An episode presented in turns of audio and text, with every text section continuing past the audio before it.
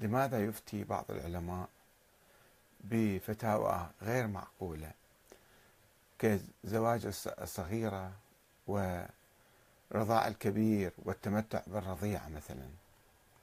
وعلى ماذا يستندون؟ وهل حكمهم بهذه الفتاوى؟ يعني هذا حكم الله تعالى يجب على الناس طاعتهم لأنهم فقهاء مثلا؟ يسأل المسلمون النبي صلى صلوات الله وسلامه عليه عن الكلالة. فينزل القرآن ويقول يستفتونك قل الله يفتيكم في الكلالة. يعني النبي حتى لم يكن يفتي. النبي كان ينقل أحكام الله تعالى إلى الناس فقط. هو رسول هو مبلغ هو مبشر. ولم يكن إيه، يعني هو يصدر الأحكام من نفسه.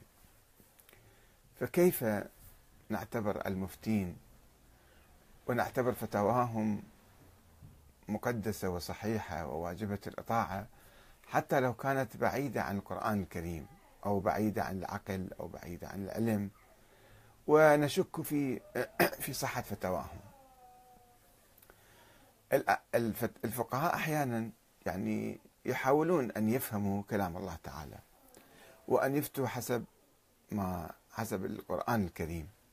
ولكن أحيانا ما لا يفهمون الآية بصورة جيدة أو صحيحة. هم بشر هم ليسوا أنبياء وليسوا معصومين وقد يقعون في محاولتهم للفهم بأخطاء أو إما أخطاء متعمدة أو أخطاء غير متعمدة. يعني آه، عن طريق الاشتباه يحدث لديهم ذلك. أو يعتمدون طرقا للوصول للأحاديث للأحكام طرق غير صحيحة يعتقدونها صحيحة. مثلا يعتقدون أن السنة النبوية تنسخ القرآن أو السنة النبوية مثلا تهيمن على القرآن. وطريقهم إلى السنة النبوية في إشكال ولكن لا يعرفون هذا الإشكال. في رواة مثلا غير صادقين غير موثوقين يعتبرونهم هؤلاء موثوقون وبالتالي يأخذون بكلامهم. يعتقدون بعدالة جميع الصحابة وكل صحابي يقول كلام يعتبروا هذا يعني أكيد جاء من النبي ومن القرآن الكريم. وبالتالي يقعون في أخطاء واشتباهات.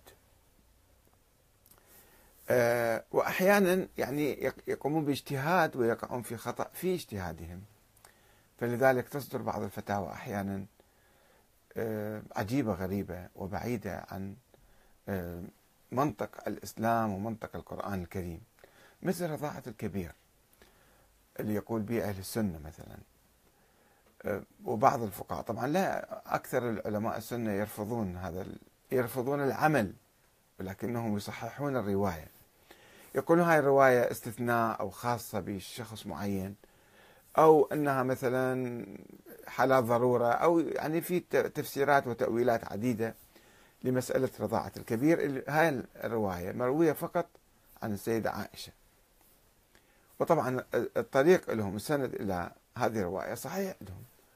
وبالتالي إذا شككوا بهذا السند يجب أن يشككوا بكل الفقه السني. أنه كيف يعني هذا السند اللي هو من أصح مراتب السند يكون خاطئ ويكون مو صحيح وبالتالي يصدقوا يعني يضطر أن يكذبوا كل الأحاديث الواردة إذا أصبحت يعني مشكوك فيها أيضا إذا شككنا في هذا السند. فلذلك هم يتمسكون به يقول لا هذا حديث صحيح. حديث رضاعة الكبير يعني شاب كبير يجي يرضع من امرأة فتصير هاي أمه يصير حلال عليه حتى يشوفها بدون حجاب أو بدون كذا. كما قال الشيخ في الأزهر قبل كم سنة قبل حوالي عشر سنوات آه، أستاذ الحديث في الأزهر واقترح على العاملات في المكاتب والدوائر المختلطة أنه ترضع العاملين زملائها حتى تصير مثل أمهم فتصير ما تتحجب أمامهم. طيب البعض يؤيد هذه الفتوى البعض يرفض هذه الفتوى من علماء السنة حتى حتى نكون منصفين. لا يعمل بها السنة والشارع السني شارع الناس يعني استهجنوا هذه الفتوى. كيف معقولة؟ القرآن يقول غضوا أبصاركم أو لا تلمسوا مثلا المرأة. فكيف يجي شاب بالغ عمره 16 17 سنة وشواربه طالعة ويجي يرضع من امرأة؟ فهنا راح يكون محل الفساد وتشجيع وتمهيد إلى الزنا والسنة يعملون في قاعدة اسمها سد الذرائع. أنه إذا أي ذريعة أي وسيلة يعني تؤدي إلى حرام فهذه حرام. فكيف رضاعة الكبير؟ اللي تهيج المرأة والرجل آه، هذه لا مسموحة والنبي يأمر بها. معقول النبي يأمر بذلك؟ فهذا حديث غير معقول مرفوض يتعارض مع القرآن يتعارض مع الذوق مع المنطق مع كل القيم الإسلامية.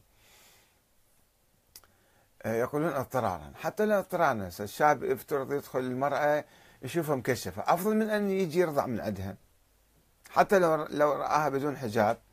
أفضل من أن يأتي ويرضع وخمس رضعات يعني مشبعات يرضع مو رضعة ورضعتين مو مصة ومصتين حتى يكون فرضاعة الكبير في الثغرة كبيرة في في العقل المسلم في العقل السني بالذات أقصد. العقل الفقهي السني أنه كيف يمكن نقبل هذا الحديث؟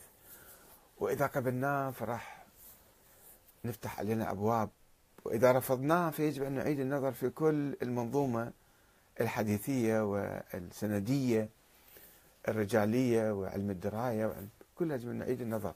وهذه أمور مقدسة صايرة. ما حد يقترب من عندها ما يجوز الاقتراب من عندها فلذلك نقبل هذا الحديث على علاته. طيب أيضا في أحاديث أخرى.